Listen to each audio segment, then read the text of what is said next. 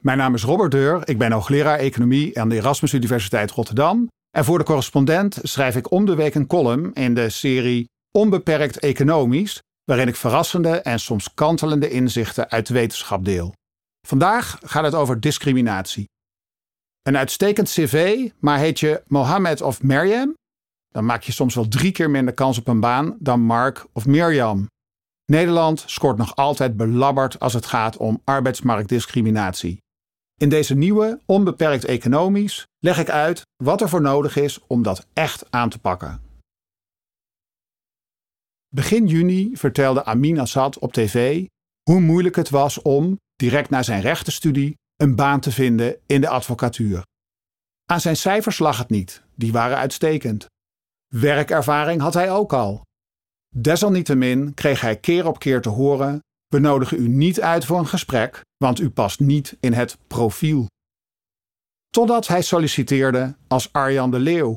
Hij schreef dezelfde advocatenkantoren aan als eerder, met dezelfde sollicitatiebrieven en hetzelfde cv. Alleen zijn naam had hij veranderd. En nu ging de deur plots wel open. Arjan mocht op gesprek komen, daar waar de deur dicht bleef voor Amin. Dit pijnlijke verhaal is helaas geen incident. Er is volop discriminatie op de Nederlandse arbeidsmarkt. Talloze studies laten zien dat het uitmaakt of Mohammed of Mark solliciteert en Maryam of Mirjam. Veel studies op dit gebied maken gebruik van fake sollicitaties. Onderzoekers sturen duizenden echt lijkende sollicitatiebrieven en cv's naar werkgevers met vacatures. Sommige ondertekend met een traditioneel Nederlands klinkende naam, andere met een buitenlands klinkende naam. Door vervolgens te kijken of er een verschil is in de reacties, uitnodigingen voor sollicitatiegesprekken, is betrouwbaar vast te stellen of er in deze fase van het sollicitatieproces sprake is van discriminatie. En ja, die discriminatie die is er. Zonder uitzondering concluderen dit soort studies dat Mark en Mirjam een grotere kans hebben om uitgenodigd te worden voor een sollicitatiegesprek dan Mohammed en Maryam. De kans is vaak wel anderhalf keer groter en soms zelfs drie keer groter. Discriminatie is dus bepaald niet uitgebannen op de Nederlandse arbeidsmarkt. Maar hebben we dan op zijn minst wel vooruitgang geboekt de afgelopen decennia? Helaas is het antwoord op die vraag ook bedroevend. De sociologen Lincoln Killian en John Lee zetten eerder dit jaar de resultaten van discriminatiestudies uit de afgelopen 50 jaar op een rij. Ze namen zes westerse landen onder de loep, waaronder Nederland. In vijf van de zes landen is discriminatie op de arbeidsmarkt de afgelopen 50 jaar niet afgenomen. Nederland komt er qua trend het slechtst uit. We zijn het enige van de zes landen waar arbeidsmarktdiscriminatie de afgelopen 50 jaar is toegenomen. En dit ondanks de opmars van diversiteitstrainingen, chief diversity officers, DEI consultants en vele andere initiatieven ter bestrijding van discriminatie.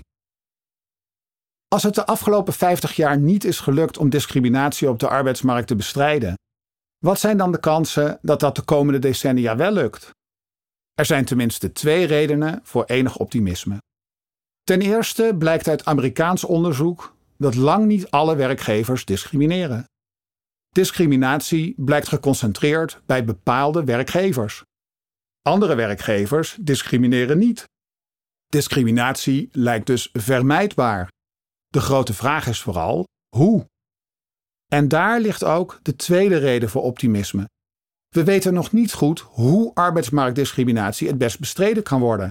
Als we eenmaal weten hoe dat moet, dan gloort er hoop op een effectieve aanpak. Sommigen zullen zeggen: er ligt al een hoge stapel onderzoek. En letterlijk gezien klopt dat. Maar veel van het bestaande onderzoek is weinig betrouwbaar, te kleinschalig of het laat heel kleine of geen effecten zien wat betreft het bestrijden van discriminatie. Dat geldt ook voor het onderzoek in Nederland.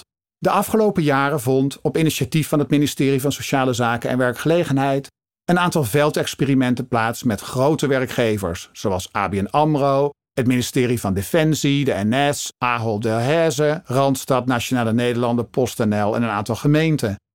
Er werd onderzocht of mensen met een niet-westerse migratieachtergrond meer kans op een baan hebben bij drie verschillende interventies. als de selectie van sollicitaties op een objectievere manier gebeurt, als de sollicitatiegesprekken op een meer gestructureerde manier plaatsvinden en als de vacatureteksten neutraler worden geformuleerd. Wat bleek? Geen van deze interventies had het beoogde effect. Er was geen toename te zien in het aandeel mensen met een niet-westerse achtergrond dat solliciteerde. En ook stroomden ze niet vaker door in het selectieproces. Deels was dit gebrek aan succes van tevoren te voorzien.